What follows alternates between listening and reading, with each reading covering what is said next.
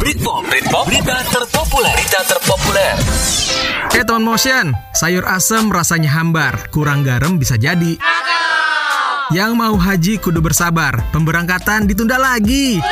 Selengkapnya di Britpop sama Mamang Mamang. Berita terpopuler.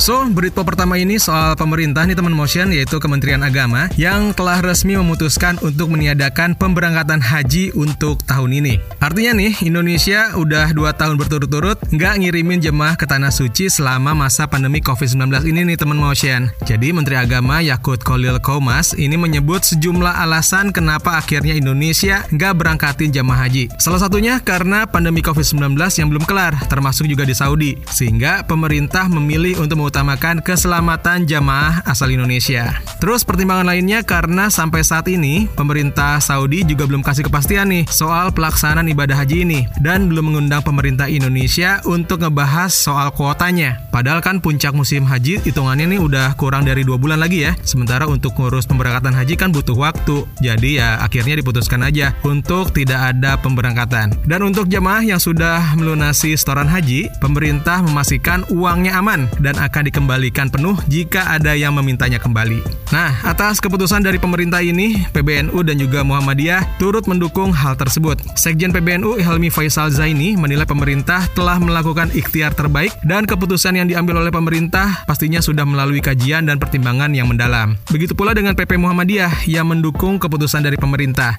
Jadi Sekretaris Umum PP Muhammadiyah yaitu Bapak Abdul Muti meyakini keputusan itu mengutamakan keselamatan jamaah dan beliau minta umat Islam untuk menerima keputusan ini. Sementara Wakil Ketua Umum Majelis Ulama Indonesia Anwar Abbas minta otoritas Kerajaan Arab Saudi ikut kasih penjelasan soal nggak adanya pemberangkatan haji bagi jamaah asal Indonesia pada tahun ini. Karena penjelasan ini dirasa perlu nih, supaya nggak muncul spekulasi dan salah paham, terutama soal kebijakan dari Saudi yang ngasih kelonggaran izin masuk terhadap 11 negara selain Indonesia. Adapun Dewan Pengurus Pusat Asosiasi Muslim Penyelenggara Haji dan Umroh Republik Indonesia menilai kebijakan pemerintah untuk tidak mengirim jamaah haji pada tahun ini merupakan keputusan terbaik di tengah pandemi COVID-19.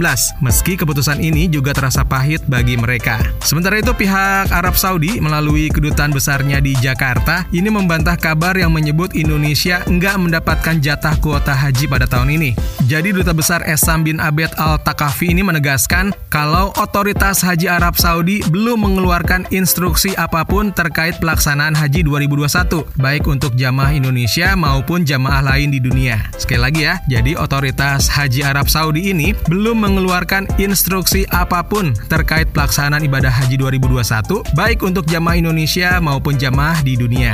Pernyataan ini sekaligus membantah pernyataan dari yang disampaikan oleh Wakil Ketua DPR RI Sufmi Dasko Ahmad dan juga Wakil Ketua Komisi 8 DPR RI Aceh Hasan Sazli yang mengaku mendapatkan informasi kalau Indonesia enggak memperoleh kuota haji pada tahun ini. Salah satunya lantaran isu soal vaksin COVID-19 yang dipakai oleh Indonesia. Teman Motion, keputusan pembatalan haji membuat daftar tunggu haji di Indonesia semakin lama aja nih. Menurut situs Ditjen Haji dan Umroh Kementerian Agama, di Kalimantan Selatan antrian haji terlama hingga tahun 2055, di Nusa Tenggara Barat sampai 2054, Jawa Timur sampai 2051, dan di Aceh antrian haji terlama sampai tahun 2050. Sementara provinsi yang antrian hajinya paling cepat adalah Gorontalo sama Sulawesi Utara yaitu sampai 2035. Yes, manusia memang cuma bisa berencana, berdoa dan berusaha, tapi Tuhan juga yang punya kuasa ya teman motion. Yang penting nama itunya. Siapa sih yang nggak pengen ke haji? Mudah-mudahan tahun depan kondisinya udah normal dan kita bisa ke tanah suci lagi. Amin, amin ya robbal alamin.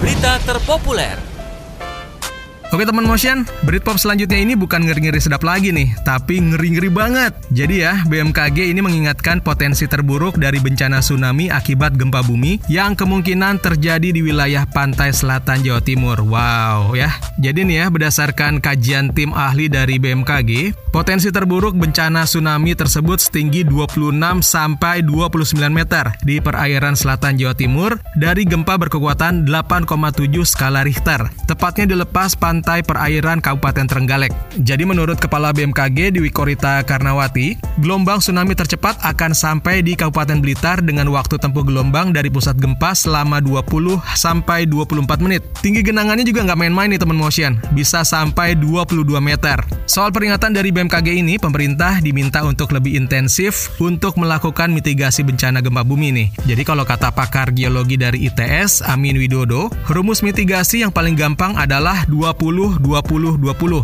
Artinya, jika terjadi gempa terasa selama 20 detik, udah deh, langsung aja ke tempat dengan ketinggian minimal 20 meter. Karena waktu yang ada hanya sekitar 20 menit. Jadi ingat ya, 20 20 20. Amin pun menyebut BMKG bukan tanpa alasan menyebut skenario terburuk yang mungkin terjadi. Karena dalam lima bulan terakhir nih, diketahui frekuensi gempa yang terjadi di Jawa Timur sangat tinggi. Gempa yang terekam selalu lebih dari 500 kejadian per bulannya. Bayangin. Sementara itu, Badan Penanggulangan Bencana Daerah atau BPBD Provinsi Jawa Timur ini mengklaim telah membekali penduduk di delapan daerah sekitar Laut Selatan tentang ancaman bahaya tsunami. Jadi delapan daerah tersebut adalah Pacitan, Trenggalek, terus ada Tulungagung, Blitar, Malang, Malang, Lumajang, Jember, hingga Banyuwangi. Nah, menurut PLT Kepala Pelaksana BPBD Jawa Timur Yanuar Rahmadi, masyarakat di delapan daerah tersebut sudah dikenalkan dengan ancaman, cara menghindar, mengantisipasi, hingga bagaimana masyarakat pulih kembali dan hidup harmoni dengan bencana.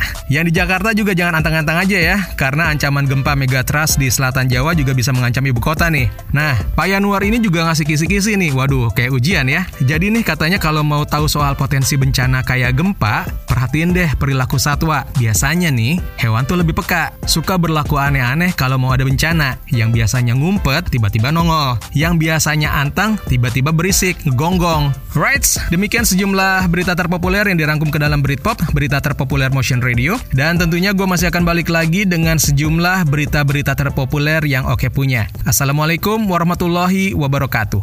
Britpop, Britpop, berita terpopuler, berita terpopuler.